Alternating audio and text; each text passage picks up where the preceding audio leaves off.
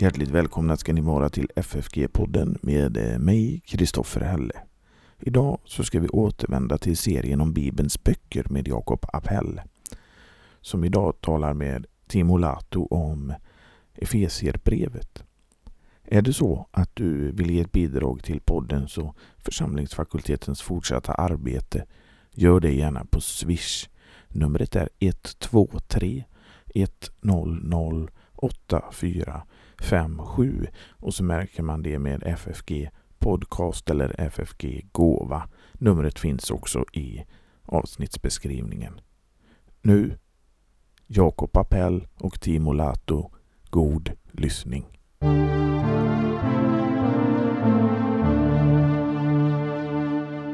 Välkommen till ett nytt avsnitt i FFG-poddens serie om Bibelns böcker. Jag heter Jakob Appell och samtalar med FFG-lärare om vad det är de olika bibelböckerna förmedlar. Och så försöker vi i våra samtal komma åt det som gör bibelboken så angelägen för oss också idag. Och i det här avsnittet samtalar jag med Timo Lato om Efesierbrevet. Eh, Timo är lektor i Nya Testamentet på FFG. Och eh, Timo, du och jag, vi har tidigare samtalat om en del andra utav Paulus brev. Och då kommit in på vem Paulus är och vad han gjorde. Så det ska vi inte upprepa i det här avsnittet. Eh, man kan lyssna på tidigare avsnitt om man vill veta mer om Paulus. Men eh, Efesiebrevet, Timo, är ju det första av de så kallade fångenskapsbreven. Alltså att Paulus sitter i fängelse när han skriver det här brevet. Och jag kan väl ställer det som en första fråga till dig hur vi kan veta att det är ett fångenskapsbrev och vad det spelar för roll för brevet och innehållet. Ja, det är en, en bra fråga. Och eh, innehållet eh, i Efesierbrevet eh, karaktäriseras av, av Paulus fångenskap. När vi läser brevet så får vi veta det men, men, men annars eh, kan vi Eh, notera ganska snart att, att eh, Paulus inte eh, beklagar i, i detta brevet, inte heller i Filipperbrevet. Man brukar kalla Filipperbrevet glädjebrevet och också där sitter Paulus i fängelset. Och det är ganska märkligt att, att vi har alltså många paulinska brev som har blivit skrivna där i fängelset men ändå uh, förmedlar uh, mycket ljus, uh, ett mycket stort glädjebudskap. Och vi kan bara återkalla i minnet Paulus fängelsetid i, i, i Filippi mm, där han har suttit tillsammans med Silas och sen sjungit lovprisning av Gud. Så att, att, att det är alltså ett Eh, stort plus i, i, i detta brev och, och något som ehm, avviker från äh, våra ehm, från vårt eh, tankesätt faktiskt. Alltså att vi, vi, vi brukar beklaga mycket om, om vi hamnar i en svår situation men så gör Paulus inte. Nu vet vi ju att eh, Paul, det här vet vi från apostlagärningarna, att Paulus var ganska mycket i Efesus och spenderade en lång tid med undervisning och mission. Eh, och eh, vi kan läsa till exempel om avskedet till de äldste i Efesus i Apostlagärningarna 20 som verkar ha varit nästan tårfyllt och väldigt smärtsamt och, och, och så. Men när man läser i Efesierbrevet så märker man inte av att han har varit där så mycket eller att han ska ha en särskild känsla för, för eh, Efesusförsamlingen. Församlingen. Varför verkar det vara på det viset? Eh, det är egentligen alltså en stor fråga och, och um, också en, en, ett stort problem faktiskt. Alltså, när vi läser Efesierbrevet så längtar vi efter sådana personliga inslag och, och, och, och gemensamma minnen och, och minns, minns ni när vi var tillsammans och, och vi hade roligt och, och hur Gud har verkat och så. Men all, allt sådant saknar vi här i brevet. Och då uppstår naturligtvis just din frågeställning att, att, att eh, varför är det så och, eh, och eh, om vi sen fortsätter tankegången så hamnar vi ganska lätt i detta äh, allmänna antagande att Efesierbrevet inte alls är skrivet av Paulus utan Efesierbrevet Eh, är ett, ett, eh, ett, eh, ett deuteropaulinskt brev, alltså. Ett brev som hör hemma i, i en så kallad corpus paulinum, eh, Paulus brevsamling, men eh, sist och slutligen inte är skriven av Paulus. Men vi behöver inte tänka på det här viset utan, utan eh, och nu följer alltså, alltså en, en lite längre förklaring för att förstå situationen. Eh, rätt och riktigt. Eh, när vi sen alltså läser eh, handskrifter så har vi eh, egentligen alltså eh, FSC-brevet eh, bevarat eh, i två olika versioner. Vi har eh, eh ett brev som eh, står utan adressaternas namn. Alltså att eh, eh, det står inte att brevet är skrivet till församlingen i Efesus. Och sen har vi alltså en annan handskrifttradition som har i Efesus, där i början, alltså församlingen i Efesus. Och då uppstår naturligtvis fråga, frågan att varför är det så att, att har, man, har Paulus skrivit detta brev till Efesus överhuvudtaget? Eller till någon annan församling. Och eh, det har funnits alltså också sådana tankegångar att kanske Paulus har skrivit eh, detta brev till en helt annan församling. Men om vi försöker sen alltså göra äh, saken lite klarare för oss själva och om jag försöker uttrycka mig själv ganska kort så kan vi säga äh, i all korthet att, att äh, Efesierbrevet med största sannolikhet är ett rundbrev, en rund skrivelse. Och vi vet att de första kristna ofta har skrivit sådana här brev. Till exempel första Petrusbrevet är ett sådant rundbrev. Adressaternas, alltså brevets mottagarnas namn, nämns där i början och, och när vi läser sen dessa områden och städer så märker vi att, att de följer alltså en, en, en, en sån eh, geografisk rund eller, eller så, så att, att, att det blir logiskt att, eh, att skicka brevet just i denna ordning som nämns i början av första Petrusbrevet. Och sen i Kolosserbrevet vet vi också att Paulus själv har skrivit rundbrev därför att han uppmanar då äh, äh, församlingen i Kolossa läsa äh, det brev som kommer från en annan församling. Och, och när antika, antikens människor när de har skrivit sådana här rundbrev så har man kunnat göra det på, på, på, på två sätt. Man har kunnat alltså eh, eh, kopiera texten så många gånger som man behöver och sen har man eh, där i början skrivit eh, eh församlingens namn eller mottagaren, mottagarens namn. Eller, då har man, eller en annan möjlighet är att man har alltså lämnat ett tomt rum där i början och sen kopierat texten och, och sen bara därefter tillagt eh, mottagarens namn. Och nu ser det ut så att Efesiebrevet är ett rundbrev och vi har alltså handskrifter som är bevarade i två olika versioner. Vi har eh, originalet utan adressaternas namn. Och sen har vi eh, eh, eh, en kopia som har i Efesus där i början, alltså adressaternas namn. Och om vi då kommer äntligen till din fråga efter detta långa resonemang så kan vi alltså säga och, och dra slutsatsen att Efesierbrevet är ett rundbrev. Och då blir det förståeligt att allt det som du eh, sa det där i början, att, att Paulus hade en nära gemenskap med, med församlingen i Efesus. Han hade arbetat där en längre tid eh, och läng, eh, en, en, en, längre, alltså längre än, än i många andra församlingar. Och han hade sådana gemensamma minnen med dem och så vidare och så vidare. Allt det här blir förståeligt om vi tänker att Efesierbrevet är ett rundbrev, då kan man, just då kan man inte nämna sådana saker och ting.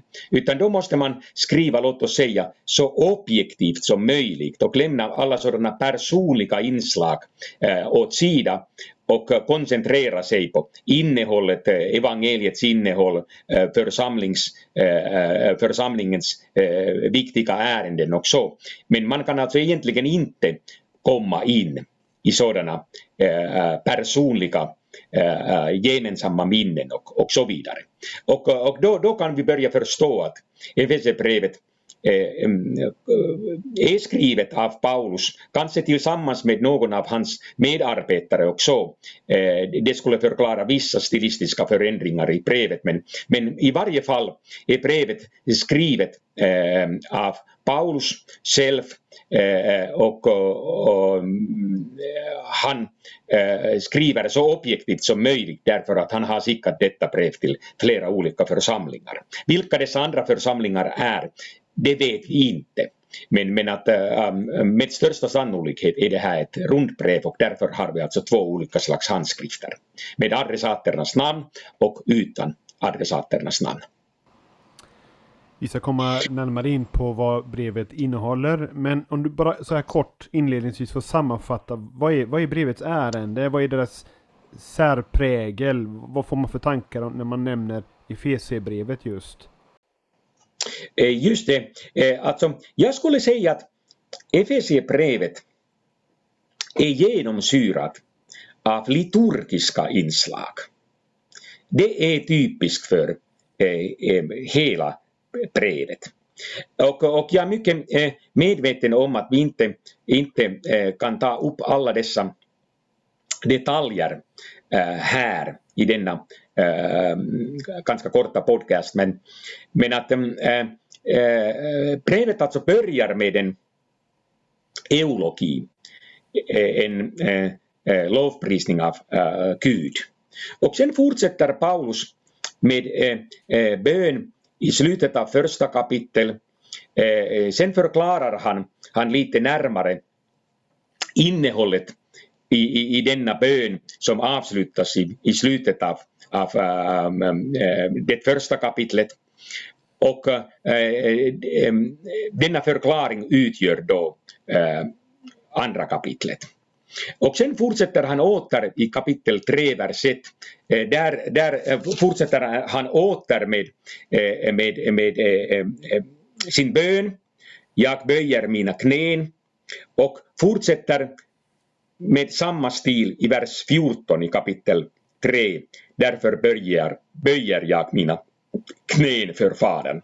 Och sen i slutet av kapitel 3 då uppmanar han församlingen att äh, instämma i hans bön.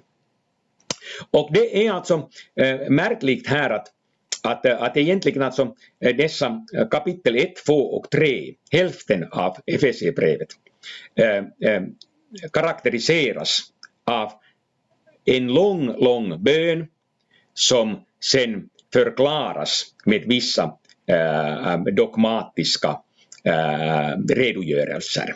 Så att, att bönens innehåll blir äh, klart och tydligt. Men, men det, det, är alltså något som är mycket väsentligt här. Och om ni vill sen alltså, alltså äh, äh, veta lite mer om det här så kan ni alltså gå Eh, eh, till eh, FFGs webbsida och, och Youtube-kanal. Och jag har alltså hållit ett föredrag, Treenigheten i Bibelns liturgi, i samband med vår bibelkonferens i Göteborg. Eh, ja, det var i, vår, i våras. Och där eh, kan ni se eh, hur eh, Paulus resonerar egentligen och hur mycket han ta, talar om bönen och, och verkligen inte bara talar om bönen utan att han ber här i brevet. Och, och, och jag skulle alltså uppmana er att, att kolla vår Youtube-kanal och lyssna på detta föredrag så får ni veta lite mer. Men, men det är alltså, alltså eh, ett sådant liturgiskt innehåll som vi har i Efesierbrevet. Och sen i samma föredrag kan ni också notera att, att, eh, att föredraget alltså heter just treenigheten i Bibelns liturgi. Och när vi sen alltså läser äh, hela brevet så märker vi hur ofta Paulus eh, hänvisar till treenigheten. Eh, och det är också alltså ett liturgiskt inslag som gör gällande just i Efesiebrevet. Och också här skulle jag gärna hänvisa till detta föredrag så att, att, äh, att äh, denna podcastintervju blir liksom en uppmaning till, till, till äh, äh, mitt, att följa det föredrag som jag ha hållit i våras. Eh, och sen skulle jag också, också tillägga att, att när vi sen alltså Eh, läser Efesierbrevet så märker vi också att eh, eh vid sidan av bön och vid sidan av dessa eh, eh hänvisningar till treenigheten så har vi också en mycket stark, ett mycket starkt inslag av, låt oss säga kyrkåret i brevet. Också ett liturgiskt inslag. Nämligen om vi sen alltså läser brevet från början till slut så märker vi att Paulus talar mycket om Kristi korsdöd, uppståndelse och hur Kristus har stigit upp till himmelen. Eh, det gör han äh, äh, äh, ofta och till exempel där i slutet av kapitel 1. Och, och sen säger han att när han har berättat om dessa eh, viktiga händelser i Jesu liv och han har tagit upp eh, dessa eh, inslag i kyrkåret. Då fortsätter han tankegången och, och han skriver till exempel där i, i kapitel 1 att med denna kraft verkade han i Kristus när han uppväckte honom från de döda och satte honom på sin högra sida i himlen. Och äh, äh, det är alltså en anspelning på kyrkåret. Men just före dessa verser, om, om vi läser alltså verserna 18 och 19, där sen skriver Paulus att, att församlingsmedlemmar har kommit till tro tack vare denna kraft. Och, och när man alltså kommer till tro, menar Paulus, då har Gud verkat i och genom oss med samma kraft som han verkade i Kristus när han uppväckte honom från de döda och satte honom på sin högra sida i himlen. Så att har ni någonsin tänkt på det här? Att när du har kommit till tro, när du lyssnar på podcast och du gör det därför att du vill veta mer om Bibeln, mer vad Paulus skriver eh, om Gud och Jesus i Efesierbrevet. Att du gör det här därför att Gud har verkat i dig med samma kraft som han verkade i Kristus när han uppväckte honom från de döda och satte honom på sin högra sida i himmelen. Så att kyrkåret är inte bara en historisk redogörelse för det som Gud har gjort i och genom Kristus. Utan Paulus tillägger att kyrkåret blir aktuellt och har blivit aktuellt i ditt eget liv. När du kom till tro så var det inte tack vare din förträfflighet. Inte tack vare din viljans frihet. Inte tack vare det som du hade gjort. Utan det var ett under. Ett rent under. Och det var alltså Gud som verkade i dig med samma kraft som han verkade i Kristus. Och då blir det alltså, eh, alltså eh, ett fantastiskt brev, Efesierbrevet. Då blir det klart att äh, Gud får, får all ära äh, för vår frälsning och vi inte kan sammanblanda våra egna gärningar med det som Gud har gjort äh, i Kristus och det som han har gjort i oss, därför att det är samma kraft. Och, och jag, jag skulle ännu fortsätta lite och fråga dig att vad gjorde du när Kristus blev uppstånden? Vad gjorde du när äh, han har stigit upp till himmelen? Naturligtvis ingenting. Och Paulus säger och tillägger, jo, det var med samma kraft Gud verkade i dig när du kom till tro. Så att därför har du inga chanser att göra någonting. Utan trons uppkomst hos dig är ett rent under som Gud har gjort. Och det är ju fantastiskt.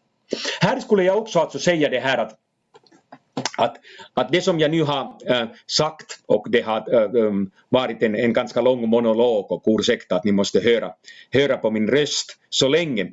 Men, men alltså att Eh, jag tror inte att, att jag kan förklara det här eh, eh, kortare men här skulle jag också alltså hänvisa till en artikel som jag själv har skrivit faktiskt.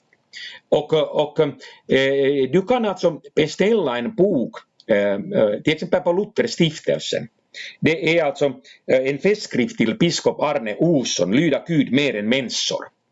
Och där har jag skrivit alltså en artikel om FSC-brevet och jag har just velat betona dessa aspekter så att, att eh, om, om jag tidigare har hänvisat till mitt föredrag eh, på församlingsfakulteten nu i våras så skulle jag nu hänvisa till en artikel som jag har skrivit för länge sedan eh, och som har blivit publicerad här i, i denna festskrift. Så, så att, att du får gärna beställa boken antingen på Lutherstiftelsen eller jag tror att vi också har, har samma bok på, på församlingsfakulteten.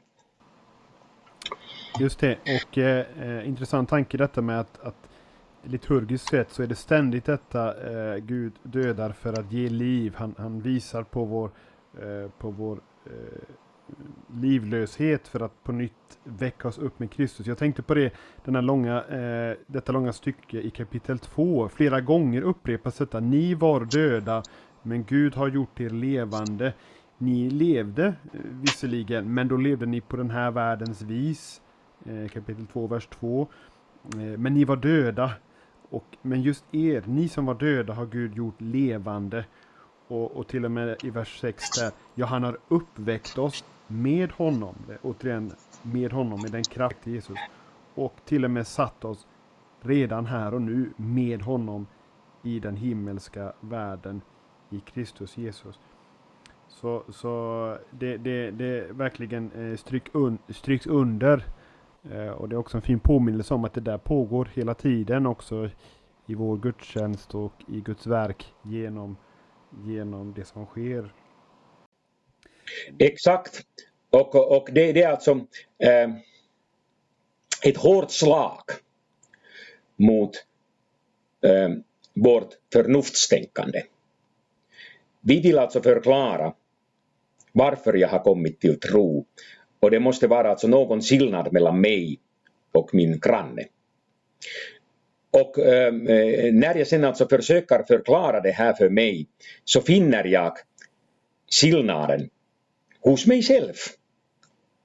Och jag börjar sen alltså eh, förklara eh, att jo, jag kom till tro därför att jag har använt min, eh, min viljas frihet.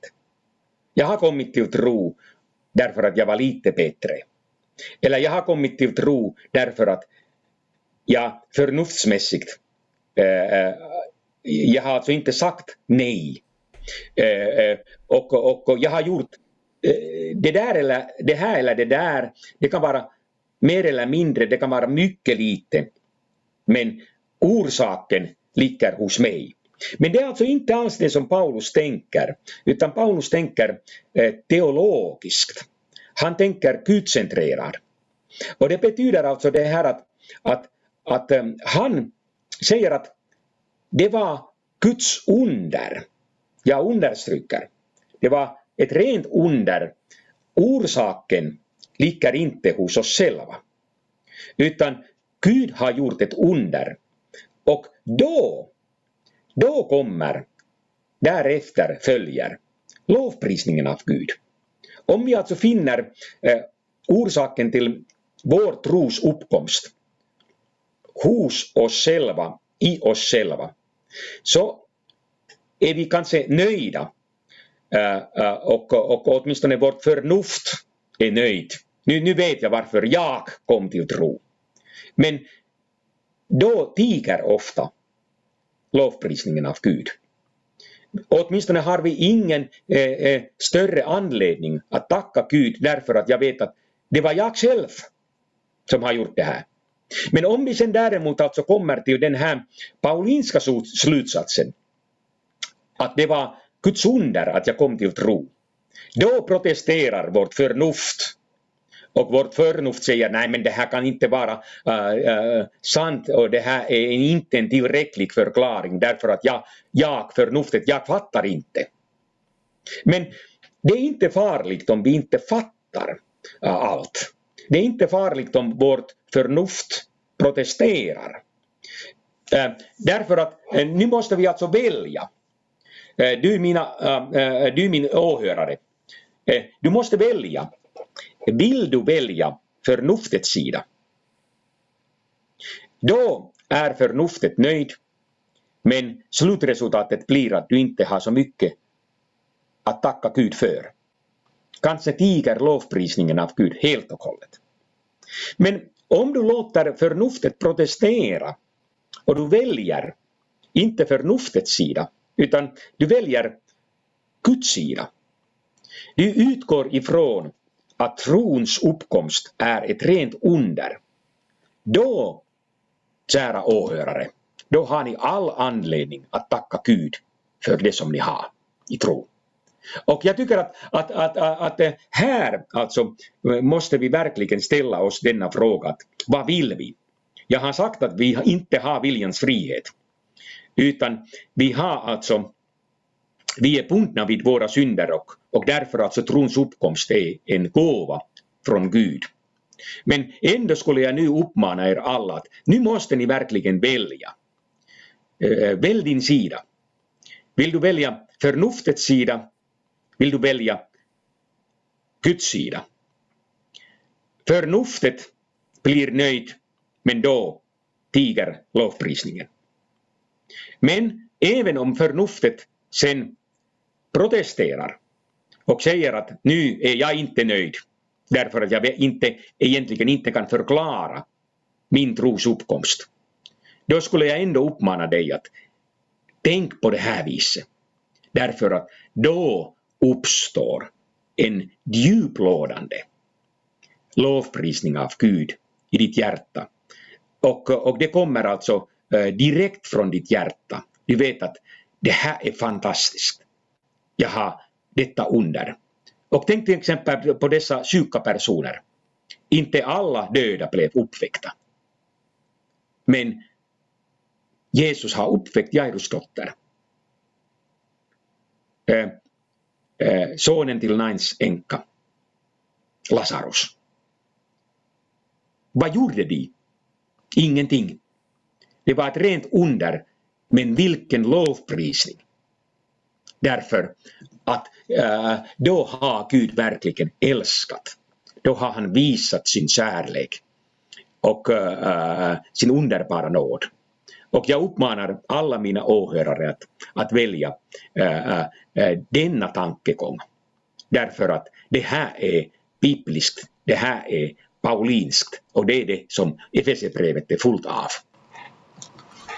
Och det kanske också kan vara äh, värt att lyfta fram det är ganska många uppmaningar till att leva ett, ett nytt liv, ett annat liv. Eh, men i ljuset av denna liksom, starka betoning på att ni var döda, men ni har gjorts levande och i kraft av Kristi uppståndelsekraft lever ni. Och då kommer uppmaningen till exempel kapitel 5, vers 1. Bli Guds efterföljare, ni som är hans älskade barn och har förstått och tagit emot och lever i det här. Eh, och lev i kärlek så som Kristus har älskat oss och utlämnat sig själv för oss som en offergåva. Så att när detta nya liv eh, har getts, eh, detta uppståndelseliv, då kommer också det här, bli vad du är, lev som du har fått liv och så vidare. Och som en lovprisning och en tacksägelse eh, som behagar Gud. Exakt. Och, eh, och det är alltså sant att vi har alltså denna äm, äm, långa bön i början av Efesierbrevet kapitel 1, 2 och 3. Och där eh, redogör Paulus för eh, frälsningens grund och det som Kristus har gjort och, och som sagt han aktualiserar allt detta eh, och tillämpar det på vårt eget liv. Eh, men sen alltså just alltså i kapitel 4, 5 och 6, eh, dessa tre sista eh, kapitel, där sen redogör Paulus för, för det som de kristna just därför ska eh, utföra. Eh, vilka goda gärningar ska, ska vi eh, göra och uträtta och hur ska vi leva i gemenskap med våra närmaste och, och, och, och gemenskap med vår nästa och till och med, med gemenskap med våra fiender. Det, det är sen alltså ett ämne för kapitel, i kapitel 4, 5 och 6. När jag bläddrar igenom brevet lite grann så här snabbt så hittar jag en del avsnitt som är väldigt kända, väldigt starka, utpräglade. Eh, vi har till exempel, eh, om jag tar det bakifrån nu, vapenrustningen i kapitel 6. Kapitel 5 har du det här om mannen och hustrun i äktenskapet som är en bild av Kristus i församlingen. I kapitel 4 har du detta med andens enhet. Och du har själv varit inne på det här med de här väldigt starka förbönerna. Några av de allra ut, mest utpräglade förbönerna i hela Nya Testamentet. Så detta kapitel 2 av Nådan i frälsta. Så det, det, är ett oerhört rikt innehåll. Eh, här är många favoritversar för många. Eh, men de är också lite blandade till sin karaktär. Eh, Eh, finns det någon stur i brevet? Någonting som håller ihop det här? Eller är det mest bland, blandade tankar? Eh, ja, alltså eh, brevet har en eh, mycket klar och stark struktur egentligen.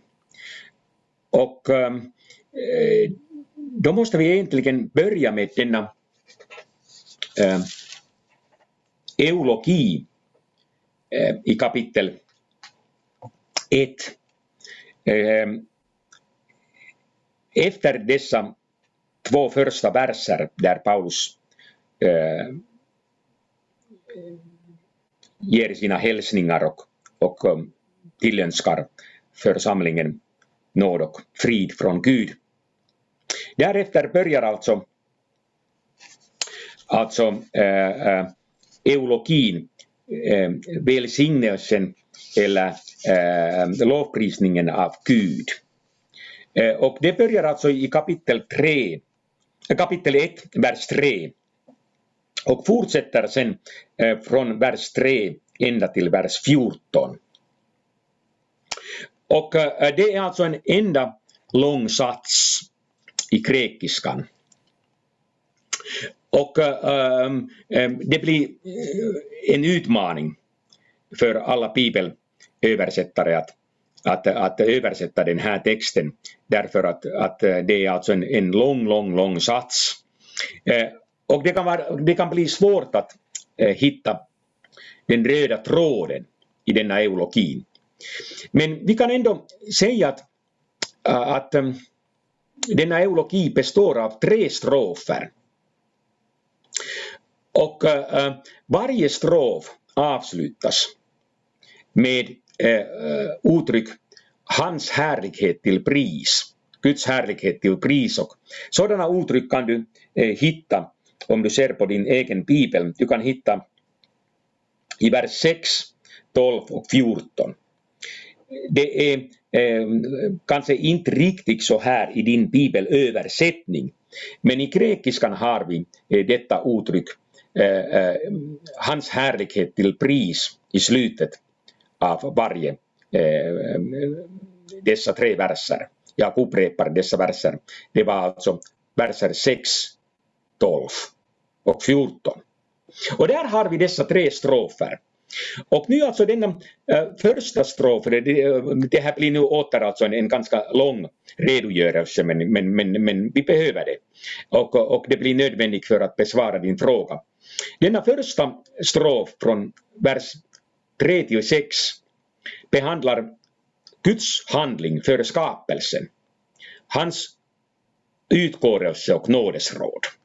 Det är det som är ämnet för första strofen. Det är alltså Gud, Fader, äh, som har handlat före skapelsen. Sen andra strofen börjar med vers 7 och fortsätter ända till slutet av vers 12. Och det är då äh, Guds handling i och genom Kristus. Då tar Paulus upp eh, Kristi död och uppståndelse grundadet av en enda församling som består av judar och hedningar. Och sen eh, tredje strofen, strofen, den sista strofen, börjar med eh, vers 13 och avslutas i vers 14. Och det är Guds handling bland adressaterna, deras tro på evangelium. Och äh, där har vi sen egentligen alltså eh, brevets struktur och tema. Nämligen alltså innehållet i alla dessa tre strofer. Det är Guds eviga frälsningsplan. Vad Gud har tänkt före skapelsen och hur han har fullgjort äh, äh, detta eviga frälsningsplan. Och det är sen som sagt alltså eh, ämnet för brevets första del, kapitel 1, 2 och 3 i bönform. Men det är alltså ämnet eh, för första delen av FSE-brevet, Guds eviga frälsningsplan. Och sen alltså dessa sista ord i slutet av varje strof. Till hans härlighet till pris. Det var det som vi, vi, vi sa där, det, det är alltså slutord i slutet av varje strof. Till hans härlighet till pris. Det är sen alltså temat för brevets andra del, nämligen kapitel 4, 5 och 6. Och nu eh, skulle jag kunna alltså säga som ett svar på din fråga att vi har alltså en sådan här stark struktur och här har vi sen alltså eh, en röd tråd som också eh, förknippar dessa olika etiska förmaningar och uppmaningar ihop. Så att äh, allt det som vi har i kapitel 4, 5 och 6 förknippas ihop med denna tanke att det här och det där, det ska äh, se äh, till Guds härlighet och pris. Och sen varierar Paulus mycket med ämnes, ämnet och stoff där. Men, men alltså ehm, dessa större ramar är, är, är sådana här.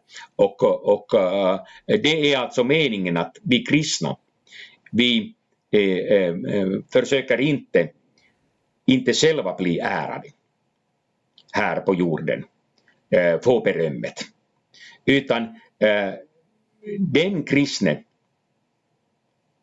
den kristna människan är salig som lever ut sin tro.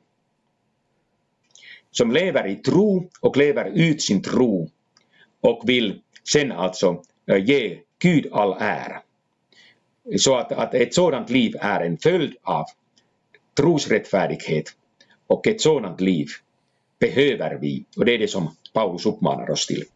Ett, ett drag som jag ehm, också, också stryker under det du sa det här att Paulus nästan med orden räcker inte till för att beskriva det här den överflödande kärleken och nåden eh, som vi har få, fått av nåd genom Jesus Kristus. Eh, Gud har välsignat oss med all den himmelska världens andliga välsignelse kan han säga. Och eh, på grund av den rika nåd som han har låtit flöda över oss i kapitel 8. Och ändå är det som att det inte räcker till när han i kapitel 3 säger där att vi tillsammans med de heliga ska kunna förstå och lära känna, ja vadå? Det här inte, handlar inte om kunskap, teorier i allmänhet, utan, vers 19, utan lära känna Kristi kärlek som går långt utöver vad någon kan förstå. Det, det går bortom förnuftets gränser.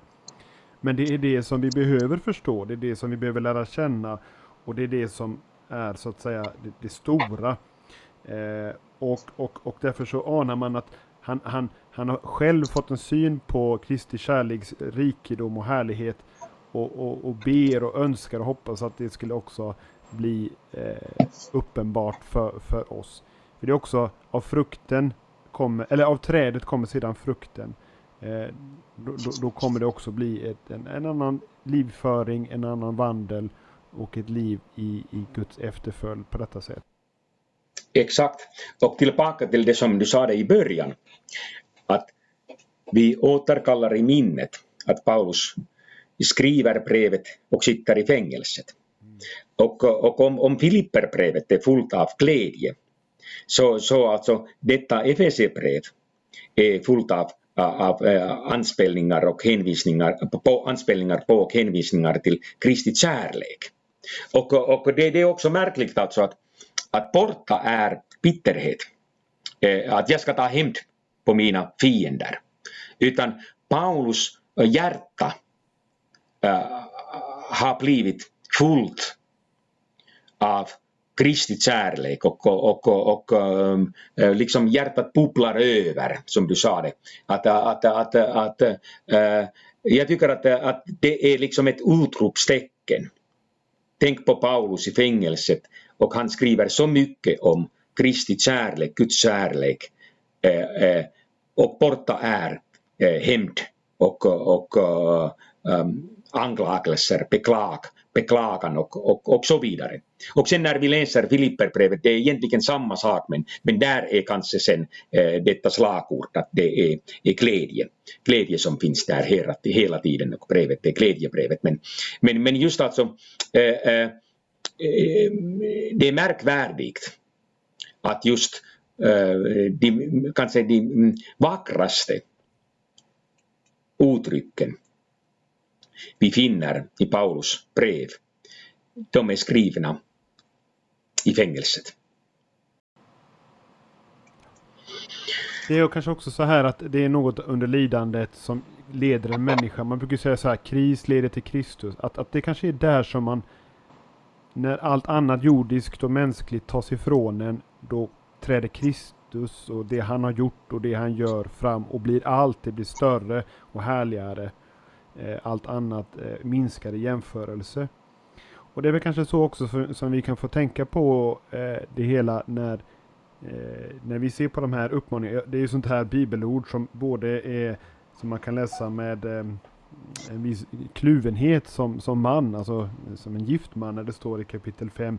Ni män älska era hustrur så som Kristus har älskat församlingen och offrat sig för den. Eh, för att helga den sedan han renat den genom vattnets bad i kraft av ordet. Det vill säga, det, det, det är det allra högsta standard. Men, redan, men innan vi börjar tänka på Kristus som ett exempel, ett föredöme som vi ska imitera, så måste vi först ha frågat oss på vilket sätt och hur och vad är det att Kristus har älskat församlingen där jag genom dopet får höra till? Och då ska jag inte tro att jag är så snabbt färdig med det där därför att Kristi kärlek går långt utöver vad jag kan förstå. Jag måste på något sätt tillsammans med de heliga eh, eh, studera det och dessutom få det uppenbarat för mig. Så att jag vill jag älska så som Kristus så kan jag inte hoppa över att han först måste älska mig själv och oss. Och oss mm. Ja, det var mycket bra sagt. Eh, eh, det är faktiskt så och, och ett, ett stort problem i våra kristna sammanhang och, och särskilt kanske också, också i, i vissa kalvinistiska kretsar är det här att, att man utgår ifrån att, att det är klart att Gud älskar mig. Och det har jag redan hört och, och det är liksom, vi har kommit till punkt och slut eh, och, och, um, det är en information som jag har fått och, och jag har tagit emot det. Det vet jag och du behöver inte upprepa det. Och nu, det som är det stora eh, problemet eller den stora utmaningen och det som eh, nu krävs, det är det som jag ska visa, att jag ska visa min kärlek till Gud och till min nästa. Och naturligtvis, det är just det som Paulus också Alltså, alltså um, um, egentligen säger i Efesierbrevet kapitel 4, 5 och 6, alltså i denna parenetiska del av, av sitt brev. Men det var just det som du sa det, Jakob, att, att, att han säger att, att Kristi kärlek går långt utöver det som vi kan tänka. Och, och då, då, kan vi alltså inte eh, eh mena att, eh, att Guds kärlek, Kristi kärlek, det är något som vi redan vet och det har vi behandlat, behandlat och, och, och, och, och sen kan vi eh, eh, eh hoppa över alla dessa texter i Bibeln. Utan just det som Paulus säger att eftersom Guds kärlek går långt utöver det som vi kan tänka så finns det hela tiden mycket att hämta, äh, hämta äh, och, och, och, och, ösa ur denna kärlekskälla. Och om vi inte gör det så saknar vi också kraften till det nya livet. Och då egentligen alltså allt det som sägs och även om det i princip kan stå överens eh, med kapitel 4, 5 och 6. Men om vi har hoppat över Guds kärlek och lämnat Guds kärlek bakom vår rygg. Så eh, kan vi aldrig fullgöra det som sägs i kapitel 4, 5 och 6 när det gäller vårt nya kristna liv. Därför är det alltså oerhört viktigt att återkomma uh, back till basics. Uh, uh, och um, back to basics. Och, och, och inte stanna Eh, eller eh, stanna vid det som vi kan göra. Eh, det är också viktigt men, men allt det som vi gör måste härstamma från det som Gud har gjort och fortfarande gör för mig. Att han har älskat mig men han också älskar mig och visar sin kärlek mot mig på många uh, fina sätt. Inte minst genom att Ähm, äh, tända tron hos mig och sen varje dag äh, rikligen förlåta mina synder. Det är hans kärlek som gör allt det här. Därför äh, vill jag också, må Gud hjälpa mig. Därför vill jag också sen göra detsamma mot min nästa. Mm. Visst. Eh, bli kvar i mig, bli kvar i min kärlek, säger Jesus i Johannes 15. Eh, utan mig kan inget göra, men i mig eh, bär ni rik frukt, Gud Fadern eh, till ära. Eh, jag kommer att tänka på eh, en annan, jag vet inte om det är en röd tråd i Efesierbrevet, men det är på ett par tre ställen som Paulus eh, talar om eh, vad ska jag säga, den osynliga världen. Det är framförallt då i detta avsnittet om den andliga vapenrustningen där han säger vi strider inte mot kött och blod utan mot furstar och väldigheter och världshärskare här i mörkret mot ondskans andemakter i himlarna. Och vi har en liknande formulering där att Jesus kapitel 1, vers 20 där eh, sitter på Faderns högra sida över alla furstar och väldigheter, makter och herradömen. Och vi har även eh, denna anspelning i kapitel 2 där att, att vi levde i den här världen och följde härskaren över luftens välde den ande som nu är verksam i olydnadens söner. Hur, hur, ser Paulus på världen egentligen? Vad, vad, är det för en kosmologi som, som skymtar här? Eh, vi strider inte mot kött och blod utan mot väldigheter och krafter som er. Eh, Till att börja med skulle jag säga att, att det här är ett ställe som förklarar, delvis förklarar varför Paulus inte eh, karaktäriseras av hämnd och äh, anklagelser mot Gud och, och äh, sina medmänniskor. Alltså han ser att, att dessa illvilliga människor som har gjort ont mot honom, att de är ändå inte härskare över sig själva, utan de är liksom äh, verktyg i onda makters eh, rådslut. Och eh, då hatar Paulus inte dessa människor utan han förstår att, att de inte kan göra någonting annat. Bara då när dessa människor får en god ny Herre, Jesus. Då kan de förändra sin livsstil, inte tidigare. Eh, och eh, eh sen, sen, skulle jag, eh, eh, för det andra, så skulle jag säga att, att kanske eh, denna världsbild som Paulus här ger uttryck för. Tidigare har man sagt att nåja, det är en sådan eh, mytisk världsbild och eh, inte kan gälla i en modern tid. Eh, utan vi måste sen alltså förstå att det här var lite barnsligt. Eh, ett barnsligt tänkande. Och nu vet vi att, att det, det är inte, inte så här. Men, men just alltså i dagens eh, samhälle har just dessa mörka krafter börjat stiga upp igen. Och, och, och, och äh, äh, till exempel i Storbritannien, där, där har det blivit redan ett problem att det finns så mycket sådana kretsar som bedriver eh, äh, svart magi och, och, och, och um, um är behärskade av dessa onda makter. Att, eh, att, eh, nu tycker jag att, att vi har alla chanser att förstå att denna världsbild inte, är, inte tillhör en förgången tid. Utan det är alltså en världsbild som fortfarande har sin fulla relevans. Och vi, det, det, det är bara vettigt att, att vi utgår ifrån det som Paulus skriver och, och vi tar för givet det som han säger. Och det som han skriver här, det är sant, det är tydligt, vi kan förstå det. Och egentligen vill jag alltså inte eh, eh, ge några nya perspektiv på Paulus tänkande utan jag vill bara alltså säga att läs och tro på det som han skriver. Alltså det här är fullt legitimt, eh, fullt relevant idag. Inte vill jag förändra någonting i hans världsbild utan jag tar hans världsbild för given det är också min världsbild. Ja, visst.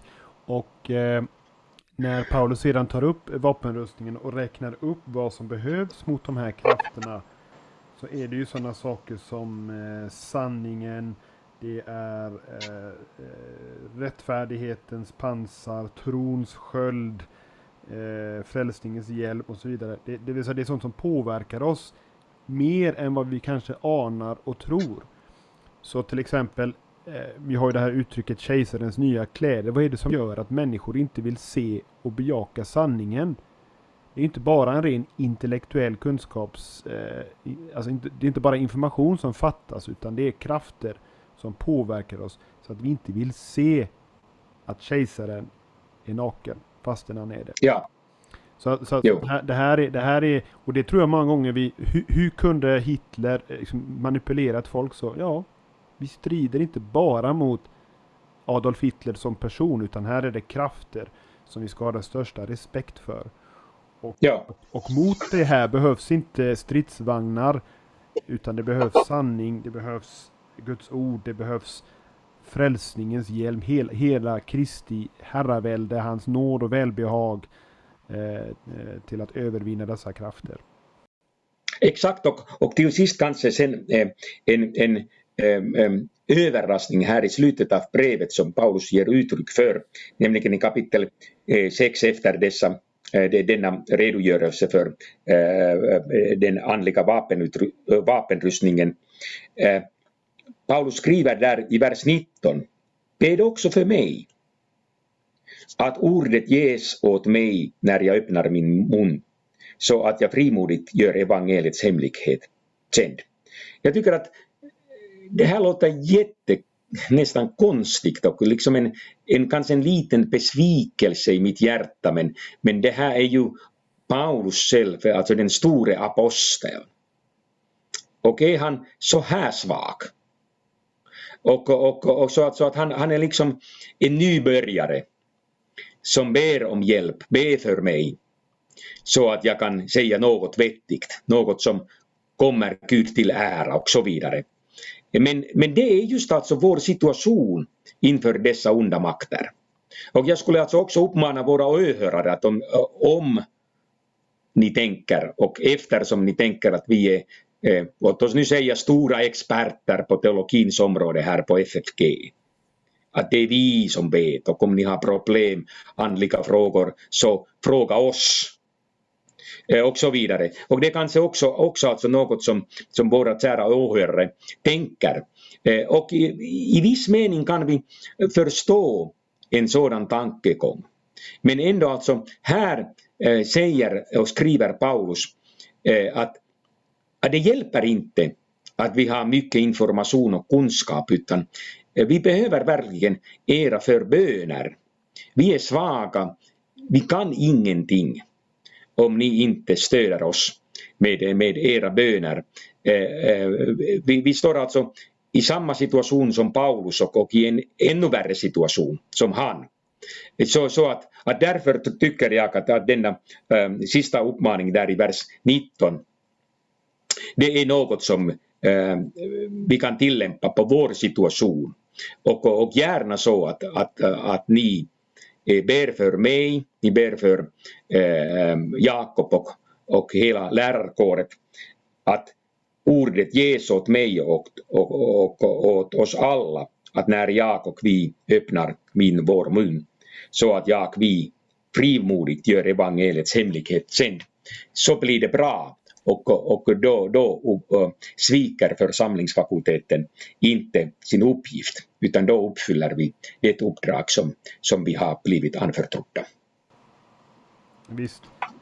Håll ut i bön för alla de heliga, eh, uppmanar Paulus till slut. Och så har han ju själv visat sig vara en förebedjare för dem i dessa exempel på föreböner.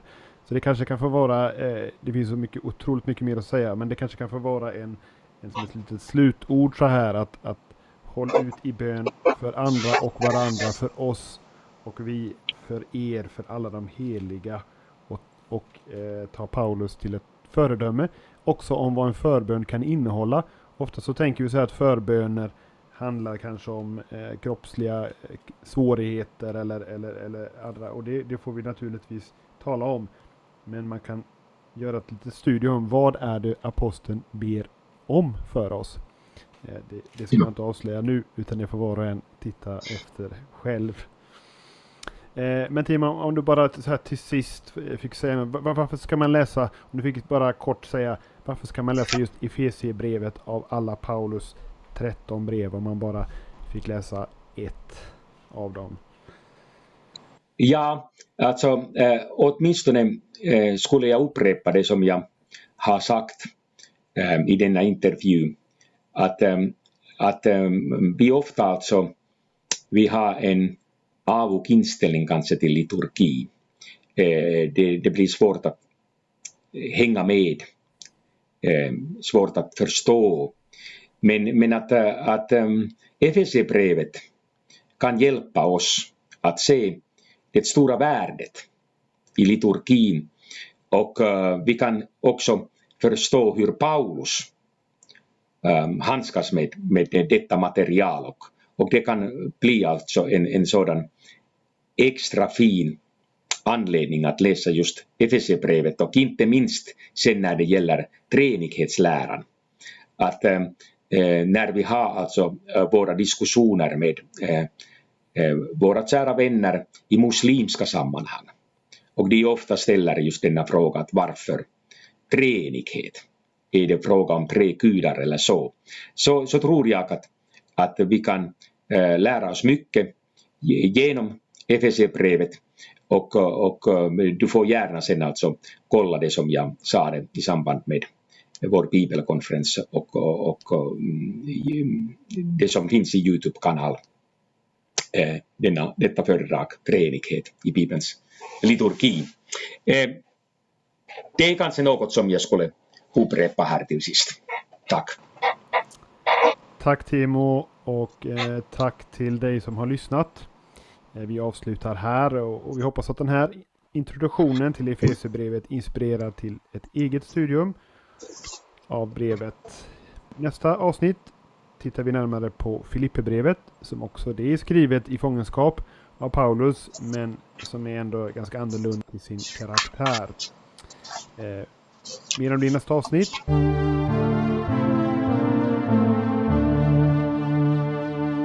Och i nästa avsnitt så får vi lyssna till när eh, Jakob och Timo pratar om Filipperbrevet. Och är det så att man vill ge en gåva till eh, poddens och församlingsfakultetens fortsatta arbete, gör det gärna på Swish. Numret är 123 100 8457 och så märk det med FFG Gåva eller FFG Podcast. Och nästa vecka så fortsätter vi med den här serien och då alltså med Filipperbrevet. Hej då!